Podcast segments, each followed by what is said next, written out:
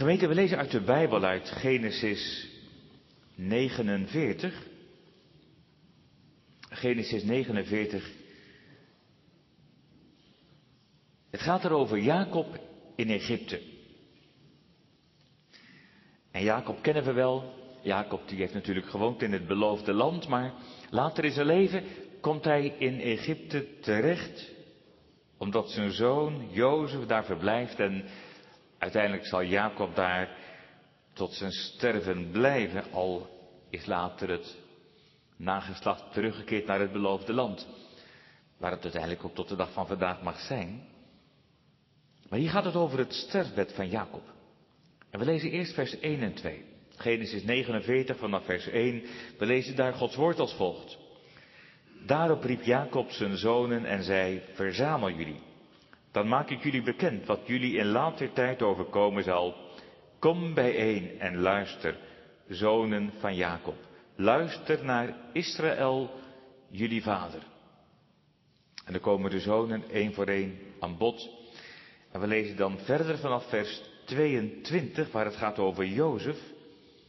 Jozef is een jonge vruchtbare boom. Een jonge vruchtbare boom bij een bron. Elk van zijn takken loopt over de muur. Boogschutters hebben hem verbitterd, beschoten en hem gehaat. Maar zijn boog bleef gespannen, zijn armen en handen bleven soepel door de handen van de machtige van Jacob. Vandaar dat hij de herder is, de rots van Israël, door de God van je vader, die je zal helpen. En door de Almachtige, die je zal zegenen met zegeningen uit de hemel van boven, met zegeningen uit de watervloed die beneden ligt, met zegeningen van borsten en baarmoeder.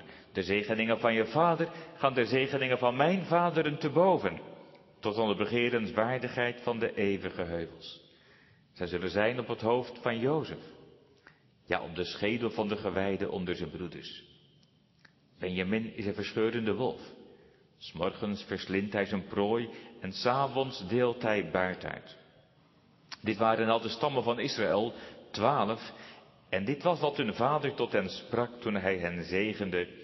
Hij zegende hen elk met een eigen zegen. We lezen ook de eerste psalm, psalm 1. Daar komt die bron terug waar het over gaat in de zegen van Jozef. Psalm 1, vers 1. Welzalig de man die niet wandelt in de raad van de goddelozen. Die niet staat op de weg van de zondaars. Die niet zit op de zetel van de spotters. Maar die zijn vreugde vindt in de wet van de Heere. En zijn wet dag en nacht overdenkt. Want hij zal zijn als een boom geplant aan waterbeken die zijn vrucht geeft op zijn tijd. Waarvan het blad niet afvalt. Al wat hij doet zal goed gelukken. Maar zo zijn de goddelozen niet. Die zijn juist als het kaf dat de wind wegblaast. Daarom blijven de goddelozen niet staande in het gericht. De zondaars niet in de gemeenschap van de rechtvaardigen. Want de Heere kent de weg van de rechtvaardigen, maar de weg van de goddelozen zal vergaan. Tot zover. De tekst voor de preek is vooral vers 22 in Genesis 49. Dat zijn de woorden van Jozef. Jozef is een jonge vruchtbare boom, een jonge vruchtbare boom bij een bron. En vandaar komen ook wel die andere woorden die met die zegen in verband staan aan de orde. Maar dit is wel de kerntekst. En het thema voor de preek is de zegen van de bron. De zegen van de bron. De zegen van de bron. Genesis 49, vooral vers 22, maar natuurlijk ook wel die versen die daarna volgen. Gemeente, die tekst roept een heel herkenbaar beeld op. Van een boom, prachtig in het blad, jong en fris. Net als ook in deze voorjaarstijd de bomen weer volop in blad staan, wat later het vorig jaar, maar dan toch een prachtig gezicht als je zo'n boom ziet. Zelfs met zijn vrucht. Dan geven de vruchtbomen, geven weer vruchten. Je ziet het in gedachten voor je. Maar u weet ook wel, het is niet vanzelfsprekend dat zo'n boom groen en fris blijft. Dat hebben we ook in, in Nederland wel eens gezien, een paar jaar geleden. Die hele droge zomer. Dat zelfs in de zomer de bomen massaal hun blad verloren. Heel veel bomen ook zijn dood gegaan. Er kwamen er gelukkig later wel weer tot leven. Maar dat is in Nederland. Het natte Nederland. Maar laat staan in het Midden-Oosten. Of in Egypte.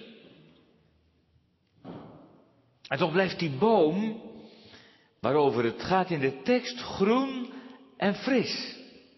Er staat zelfs in vers 22 ook dat die takken over de muur lopen als een teken van de levenskracht. Je ziet het voor je, die boom naast een muur. In die groeikracht van de boom gaat de muur te boven. En, en je denkt, waar haalt die boom zijn kracht, zijn vitaliteit vandaan? Het antwoord vinden we in de tekst. De boom staat bij een bron. Misschien aardig om te weten, in de gewone statenvertaling staat het woord fontein. En we denken bij een fontein eigenlijk aan een opspuitende waterbron. Dat opspuit omhoog een fontein. Maar het oude woord fontein betekent niet zozeer die, die spuitende fontein, maar gewoon een beek. Of van het Latijnse woord fons. Het is gewoon beek eigenlijk. Het gaat ook echt om een beek, wat in de herziening direct ook te herkennen is. Een boom bij een bron of bij een beek. Het geheim van die boom ligt in de bron. Er is een boek dat heet De Verborgen Bron. Misschien kent u dat. Het is van Isobal Koen. Het gaat over zendelingen in China in de jaren 50, toen de communisten met vreselijk veel bloedvergieten de macht hebben gegrepen. En, en die zendelingen werden toen bedreigd op allerlei manieren. Maar dan, dan getuigt dat boekje op een bijzondere manier hoe die zendelingen niet klein te krijgen waren door de communisten. Dat ze bleven bij de Here en bij zijn woord. En, en dan, dan leek het meerdere malen dat de situatie uitzichtloos was, dat ze de dood in de ogen keken. En toch bleven ze putten uit die bron, een bron die de communisten niet kenden. Vandaar die titel, de verborgen bron. En die verborgen bron, dat is die bron waar het over gaat in Psalm 1. We hebben die gezongen of in onze gedachten meegezegd en ook gelezen, maar ook hier in de tekst. Genesis 49. De bron, de verborgen bron. Het geheim van de boom ligt in de bron. Dan laten we eerst eens kijken naar die concrete situatie in Genesis 49. Dan worden we meegenomen naar Jacob in Egypte. En vader Jacob is oud geworden, oud geworden in Egypte. En hij voelt zijn levenseinde naderen. Voordat hij sterft, roept hij zijn zonen nog een keer allemaal bij zich. En hij wil afscheid nemen en hen zegenen. En in gedachten zie je dat voor je al die broers verzameld rondom het sterfbed van hun oude vader. En inmiddels heeft bijna iedere broer een beurt gekregen. Nu is het de beurt voor Jozef. En we mogen als het ware meeluisteren. Als Jacob Jozef zegent. Het is eigenlijk al wel bijzonder dat Jozef hier is. Dat wij hem hier zien. Tussen zijn broers. En bij zijn oude vader. Ja, natuurlijk al zo'n wonder dat, dat de familie in Egypte gekomen is. Maar die geschiedenis die kent u wel. En ook de jongens en de meisjes. Je weet wel van, van Jacob die daar gaat naar Egypte met zijn familie om Jozef te ontmoeten. Jozef en zijn broers ook. Maar, maar je had je kunnen voorstellen dat Jozef in Egypte te druk was. Want wat doet hij daar in Egypte? Nou, hij is onderkoning geworden. Reken maar dat hij een razend druk bezet man is geweest. Hij had kunnen zeggen, ik heb geen tijd, lieve vader, ik zou wel willen, maar ik ben te druk. Maar dat doet hij niet, hij is er wel. Je zou je ook kunnen voorstellen dat hij zich schaamt voor zijn familie bij de farao. Want dat zijn maar gewone mensen, om zo te zeggen. Het waren boeren, veehouders. En er staat ook letterlijk in Genesis, bij nabezoeken 46, vers 34, dat die herders van kleinvee, dus die, die veeboeren, dat, dat het voor de Egyptenaren een gruwel was. Dus je zou kunnen denken dat hij zich een beetje schaamt voor zijn familie. Maar dat, dat doet Jozef niet, hij is er wel. En dan, en dan nog iets, je zou je ook kunnen voorstellen dat Jozef zegt, nou ja, die, die zegen van mijn vader, dat is allemaal best en aardig, maar die heb ik helemaal niet nodig. Ik heb alles wat mijn hartje begeert. Ik heb geld en goud. En ik heb de beste gezondheid. Zorg die zich laat denken, want die was er in Egypte. Er waren kundige dokters, wat dacht u? Eh, ik ga zeggen, ik hoef met, met, met mijn vinger te knippen. En ik krijg alles wat ik wil. Ik heb die zegen helemaal niet nodig.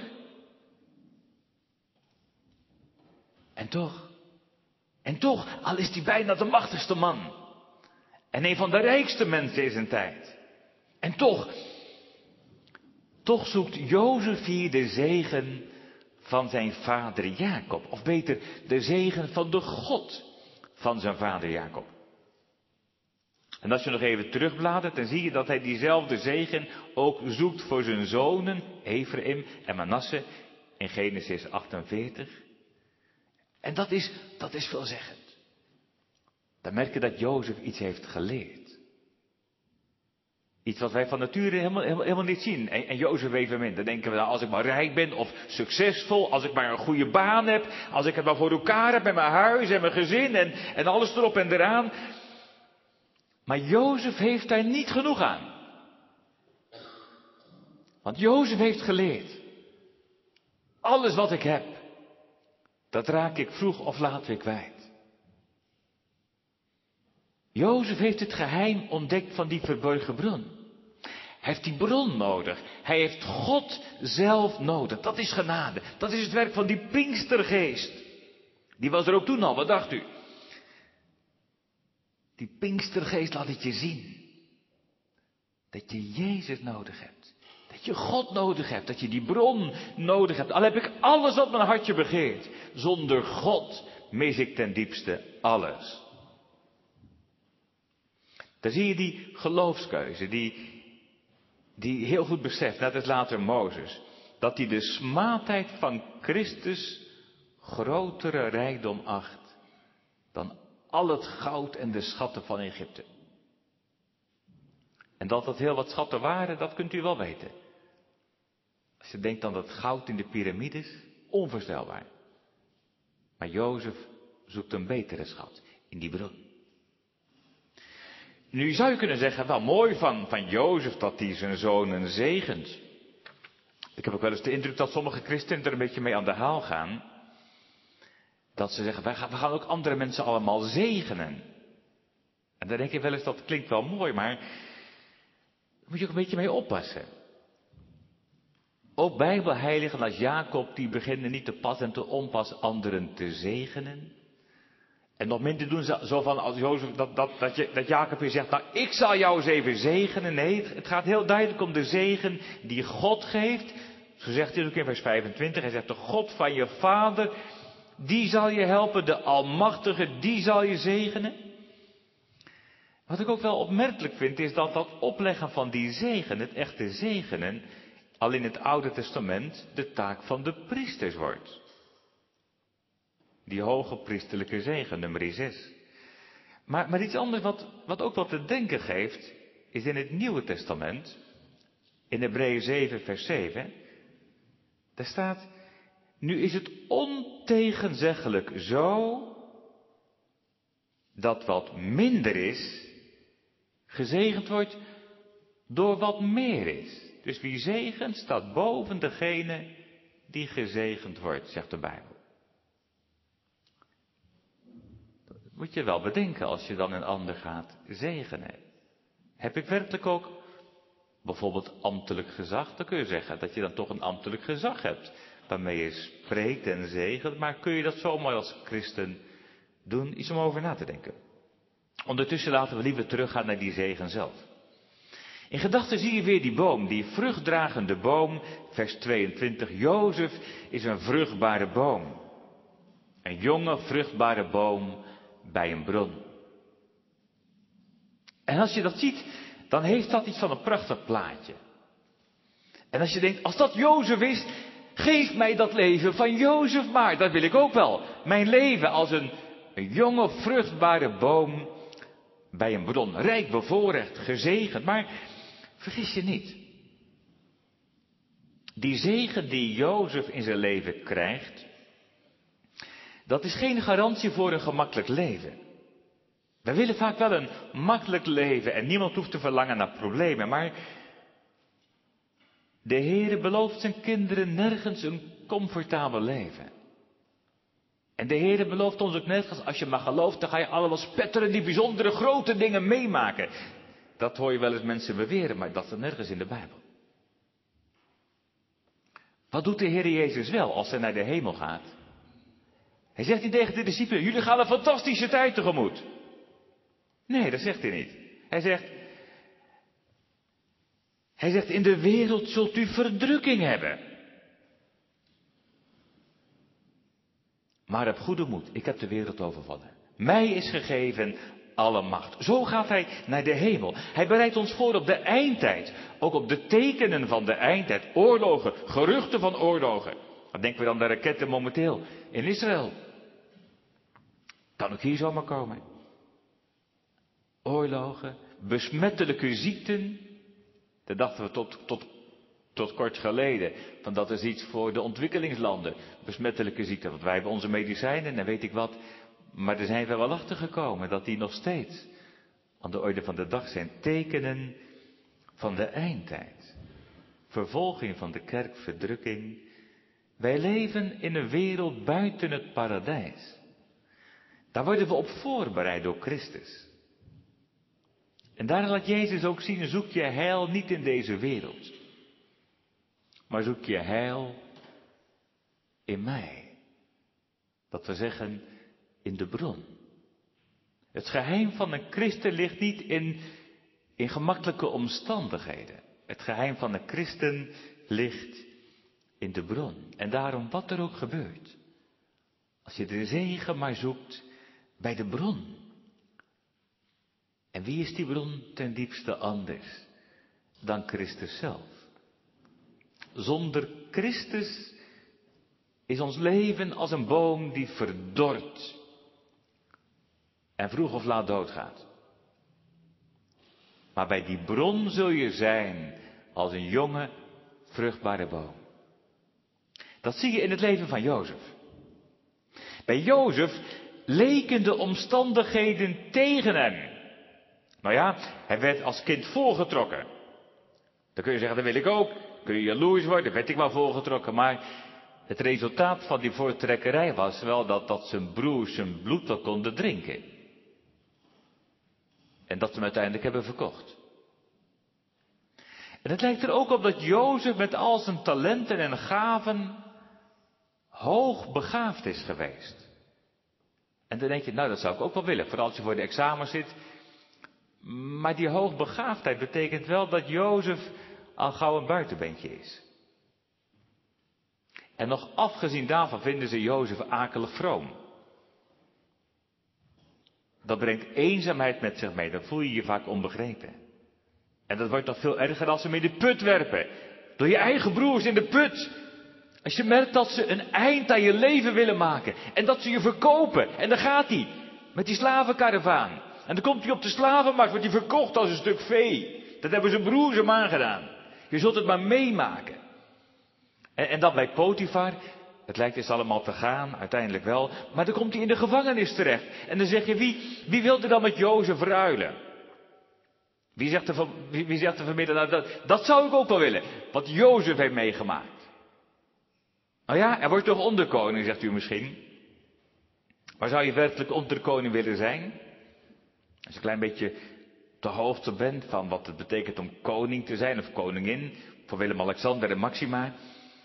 Nou, dan zeg je, misschien zou ik dat wel willen. En misschien zou je ook best een goede koning of koningin of onderkoning zijn, maar denk niet dat het makkelijk is. Ook in de politiek vangen hoge bomen veel wind. Het geheim van Jozef ligt niet in een gemakkelijk leven, in tegendeel. Ook niet in gunstige omstandigheden, in tegendeel. Het geheim van Jozef ligt in de bron. Dat is de tekst. Die, die Jozef is een jonge, vruchtbare boom bij een bron. En als Jacob dan verder spreekt, dan verschuift die beeldspraak een beetje. Dan, dan blijkt die bron ook een beschermer En dan merkt dat zijn beelden die iets zeggen over een persoon, over God. Dan gaat het over boogschutters. En jongens en meisjes, dat kun je begrijpen. Dan heb je een boog, een pijlen en je schiet. En op wie schiet je dan? Ja, op een vijand zeg je. Ja, maar wie hebben er op Jozef geschoten dan? Dat waren zijn eigen broers. Zijn eigen broers. Soms komen de gemeenste pijlen van de mensen die het dichtst bij je staan. Van je eigen broers, broeders en zusters. En later zien we andere pijlen. Ik denk aan die pijlen van die vrouw van Potifar. Dat leken is prachtige woorden. Jozef, ik hou van jou. Ik hou zoveel van jou dat ik met jou naar bed wil.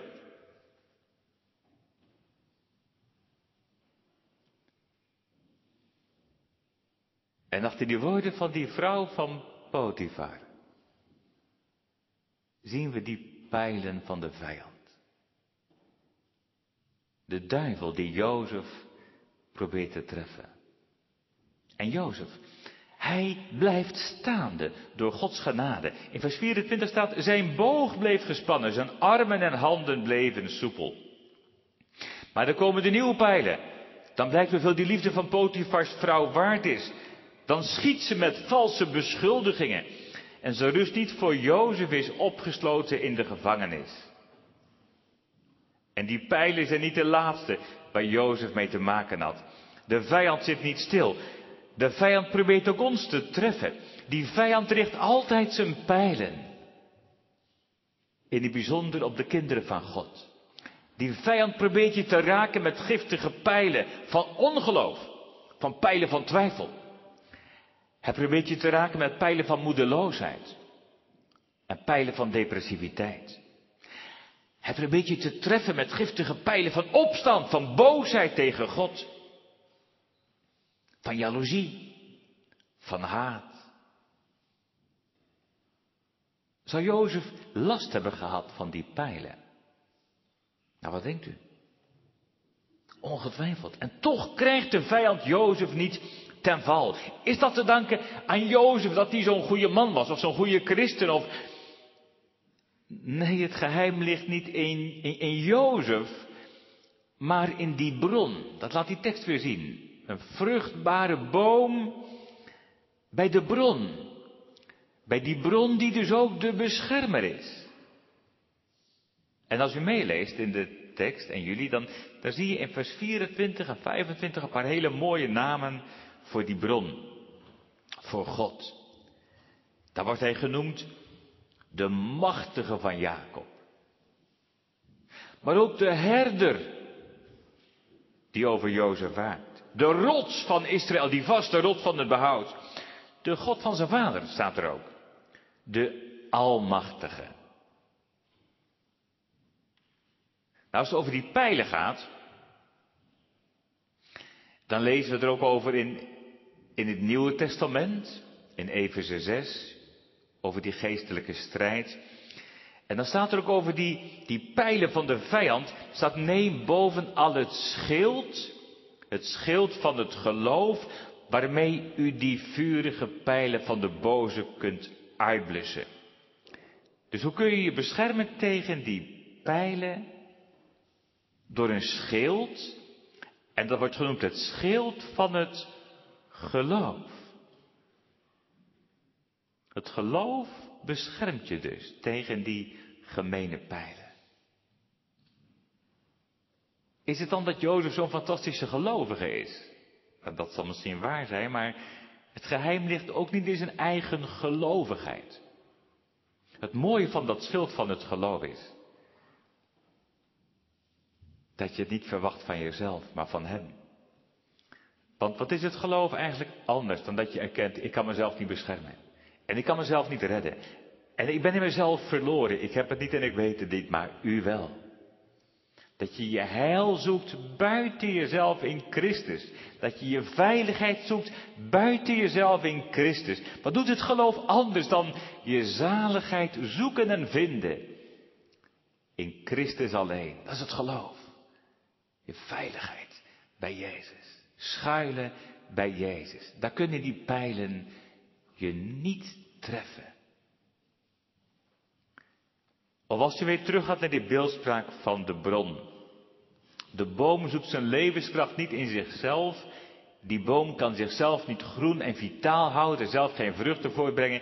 Die boom zoekt zijn kracht, zijn heil in de bron.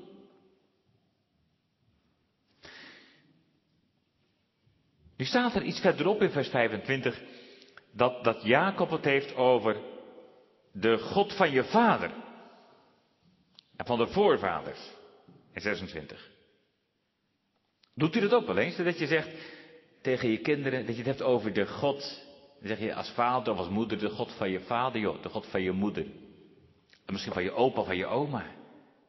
Wat is dat mooi als, als de Heere God in die voorgeslachten al gediend is. Als je voorgeslachten dat geheim van de bron al hebben ontdekt. Als die uit die bron hebben geleefd. is de God van je voorgeslacht.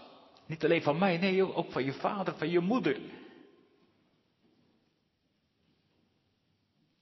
Wat een zegen als je als ouders die bron bekend mag maken aan je kinderen. Dat is Jacob. Want over die bron doet hij niet geheimzinnig.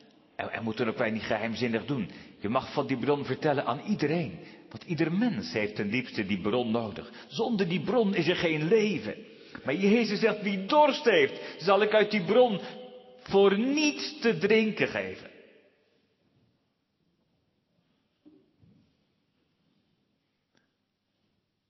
Jozef heeft van jongs af aan van zijn vader en zijn moeder over die bron gehoord. Hij kent die bron van jongs af aan. Dat wil niet zeggen dat je die zegen van de bron altijd ervaart in het leven met Christus. Ook de kinderen van God kunnen lijden, dorst lijden. Als het ware versmachten naar dorst, dat je denkt, waar is God? En wat merk ik van hem? En waar is hij dan? Hoe kan ik hem vinden?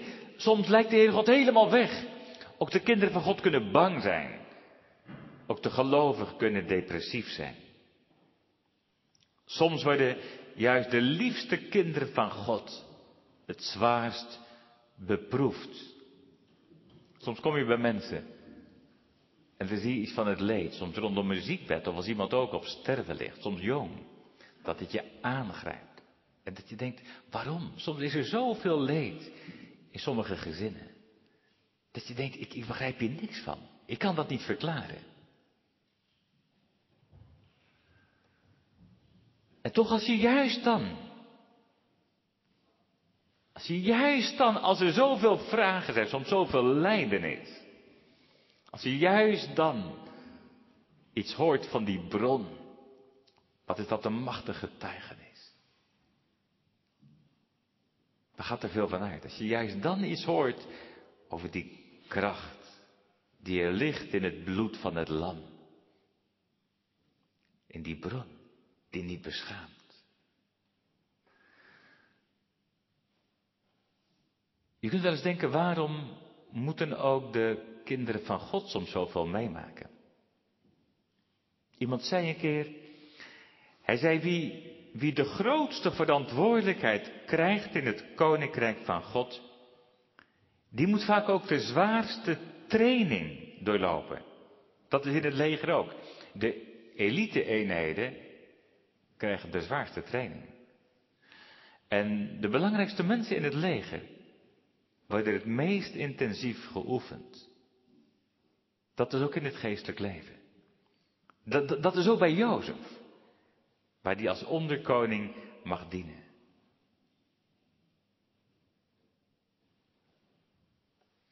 Je zou ook kunnen zeggen, je ziet de betekenis van die bron het beste als het droog wordt. Zolang het regelmatig regent, dan zijn alle bomen wel groen en fris. En dat is in Nederland al veel meer, maar zeker in de drogere, warmere landen. In het beloofde land. Dan merk je wel het verschil. Daar zie je soms hoe alles verdort en verdroogt. Maar dan maakt die bron het verschil. Dan zie je hoe die bron, de boom, in leven houdt. De belangrijkste zegen voor Jozef ligt dus niet in iets van zichzelf, maar in die bron. En als je verder leest, dan, dan merk je dat die zegen die Jozef krijgt ook te maken heeft met hele gewone, hele aardse dingen. Er worden ook hele aardse zegeningen genoemd. In vers 25 en 26 gaat het over zegeningen uit de hemel. Denk aan de regen en aan de zon. Zegeningen uit de watervloed beneden, kostbaar water. Zegeningen van borsten en baarmoeder, dat we zeggen kinderen, kleinkinderen. En Jacob zegt zelf dat die zegeningen rijken tot de eeuwige heuvels. Misschien doet u dat denken aan de eeuwigheid, dat zou kunnen, maar de meeste uitleggers denken toch aan de heuvels in het beloofde land.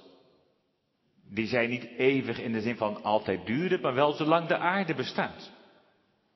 Dat betekent het woordje eeuwig wel vaker in de Bijbel. Zolang de aarde er is en die begeerenswaardigheid van de heuvels, ja, dan moet je denken aan die, aan, aan, aan die hellingen van de heuvels waarop tarwe groeit, waar wijngaarden zijn, olijfbomen, iets van de overvloed van het land op die heuvels, de begeerenswaardigheid van de heuvels, de zegeningen van het land.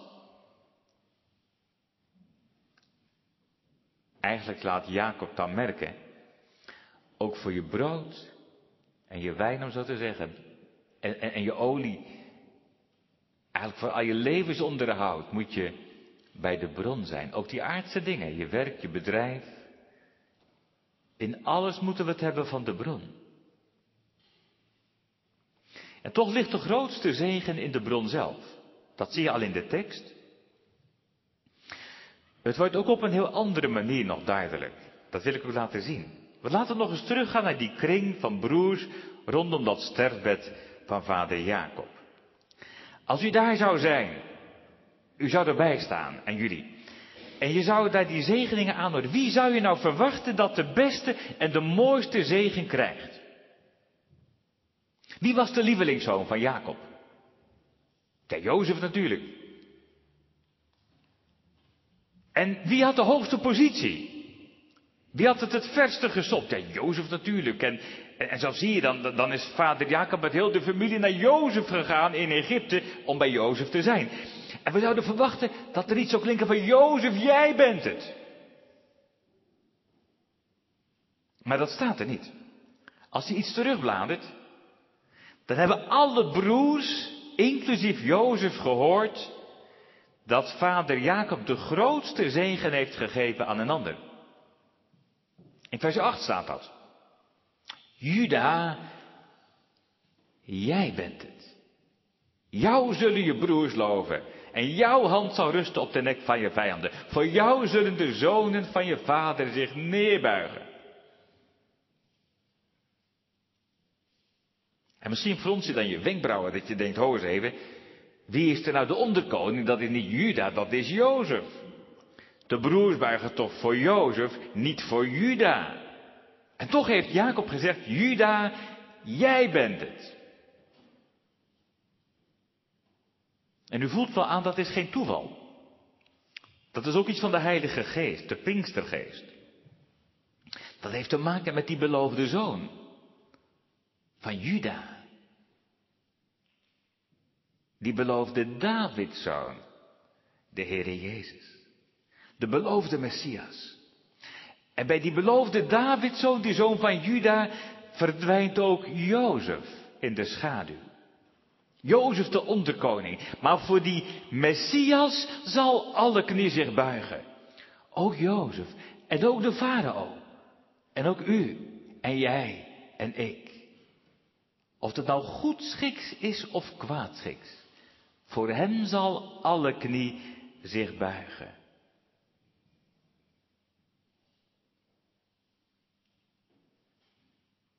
Dat stelt ook ons de vraag.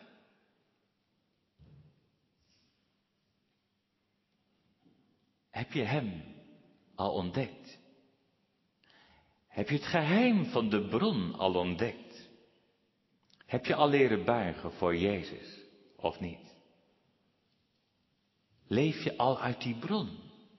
Want dat is Christus die beloofde zoon van Juda. Ook Jozef moet het hebben van die zoon van Juda. Leef je al uit hem? Of niet? Is hij je leven al geworden? Of niet? Daar komt het op aan. Daar gaat het ook echt om een levend geloof. Niet een beetje meehobbelen met de rest. Of een beetje vanzelfsprekend, dat zal wel goed zitten met me. Nee, het is geen automatisme in de Bijbel niet en ook bij ons niet. Dat merk je ook als je let op de latere uitwerking. Op de uitwerking van die zegen. Jozef krijgt hij die zegen. Maar ook die zegen is niet een automatisme. Je vindt die zegen later bij de nakomelingen van Jozef, bij Ephraim en Manasse. En dan vind je in die nakomelingen geloofshelden, zoals Jozua. Jozua die het volk heeft gebracht in het beloofde land. Een, geloofsheld. Die leefde bij de bron. En Gideon. Gideon die met zijn 300 het hele leger versloeg. Een man van God. Geloofshelden die leefde bij de bron. Maar we horen in die nageslachten ook van een koning Jerobiam. En als u een beetje thuis bent in de Bijbel, dan weet u wel wat dat was voor een koning. Die heeft de gouden kalveren ingevoerd in Bethel en in Dan. En er staat er heel vaak van die koning Jerobiam. Dat was de koning die Israël deed zondigen. Als je zo in de boeken van God staat, dat is nou die man, dat is die vrouw die anderen op het dwaalspoor bracht. Die mensen deed zondigen. Dat staat er van Jerobiam. Die kwam ook uit Jozef. En dan gaat het helemaal fout in dat tien stammenrijk. Dat begint bij Jerobiam. En dan gaat het naar Agap. En, en, dan gaat het door. En dan hoor je de profeten waarschuwen voor de zonde. En de profeet die dat heel duidelijk heeft gedaan is Hosea. Die had het ook over de zonde van Ephraim, die zoon van Jozef. Van het tien stammenrijk. En wat is dan de kern van de zaak? Wat zegt Hosea? Hij zegt, ze hebben de bron vergeten. Ze hebben de bron verlaten. En ze kennen de Heeren niet meer. En ze hebben hem niet lief. En ze vloeken en ze stelen en ze liegen en ze bedrijven overspel. En dan zegt hij, daarom is hun wortel verdord. En ze zullen geen vruchten voortbrengen. God zal ze verwerpen. Waarom? Omdat ze niet naar hem luisteren. En dan komt Hosea terug op die beeldspraak van die bron. Want Hosea kent die zegen natuurlijk van Jozef. Dan zegt hij in Hosea 13 vers 15. Ook al draagt hij zelf tussen de broeders vrucht. De oostenwind zal komen. De adem van de Heere die opsteekt uit de woestijn. En zijn bron, dat woordje bron, zal uitdrogen. En zijn wel droogvallen. Hosea zegt de bron komt droog te staan. Dat is de vloek in plaats van de zegen. Dat is het resultaat als we God verlaten. En Hosea wijst dat aan. En dat is nodig ook in deze tijd. Ook al blijft hij niet bij die vloek, ook Hosea eindigt met die zegen. Dat is weer die oude zegen. Dat de Heer toch zijn zegen belooft. En wat is dan die zegen? Dat is allereerst in de bekering, de terugkeer naar God, terug naar de bron. Ik zal hun afkerigheid genezen, staat er. Ik zal ze lief hebben, vrijwillig. En dan heeft Hosea het ook weer over vrucht. Bij die nakomelingen van Jozef. Dan, dan, dan zegt hij, door mij is er weer vrucht te vinden. Bij u. Vrucht, ja, niet uit Jozef of Ephraim zelf, maar door mij. Uw vrucht is uit mij gevonden. Vrucht om Jezus wil. Het geheim van die vrucht ligt in de bron. In Christus. En dan nog één ding. Jacob zegt tegen Jozef in vers 26, hij zegt, de zegeningen van je vader gaan de zegeningen van mijn vaderen te boven. Eigenlijk zegt hij, hij zegt, ik heb al meer gezien van de zegen van God dan Abraham en Isaac. Hij zegt, ik heb al meer gemerkt van Gods zegen dan alle voorvaders bij elkaar. Jacob weet zich gezegend door de Heer. En toch heeft Jacob de grootste zegen nog niet gezien. Hij heeft de beloofde Messias nog niet gezien. En wij dan? Wij leven in de tijd van het Nieuwe Testament. Wij weten dat die zoon van Juda gekomen is. Wij weten wie die bron ten diepste is, dat het Christus is. Wij weten dat de Messias geboren is, kerstfeest geworden. We weten dat het Goede Vrijdag is geworden. We weten dat het Pasen is geworden. En dat het hemelvaart geworden is. En dat het heen gaat naar Pinksteren. Wij weten van Christus. De beloofde Christus. Zoveel voorrechten. Zo'n heerlijke bron. En dan, wat doen we ermee? Leven we uit die bron of niet? Leven we uit Hem en door Hem en voor Hem of niet? Hoor hoe hij zelf spreekt. Dat is hij die de bron is. Jezus zegt dat zelf. Johannes 7, vers 37. Hij zegt, als iemand dorst heeft. Dat zegt hij ook nu, als iemand dorst heeft. Laat hij tot mij komen en drinken. Wie in mij gelooft, zoals de schrift het zegt. Stromen van levend water zullen uit zijn binnenste vloeien. Wie dorst heeft, komen tot mij. Want Hij is de bron. Amen.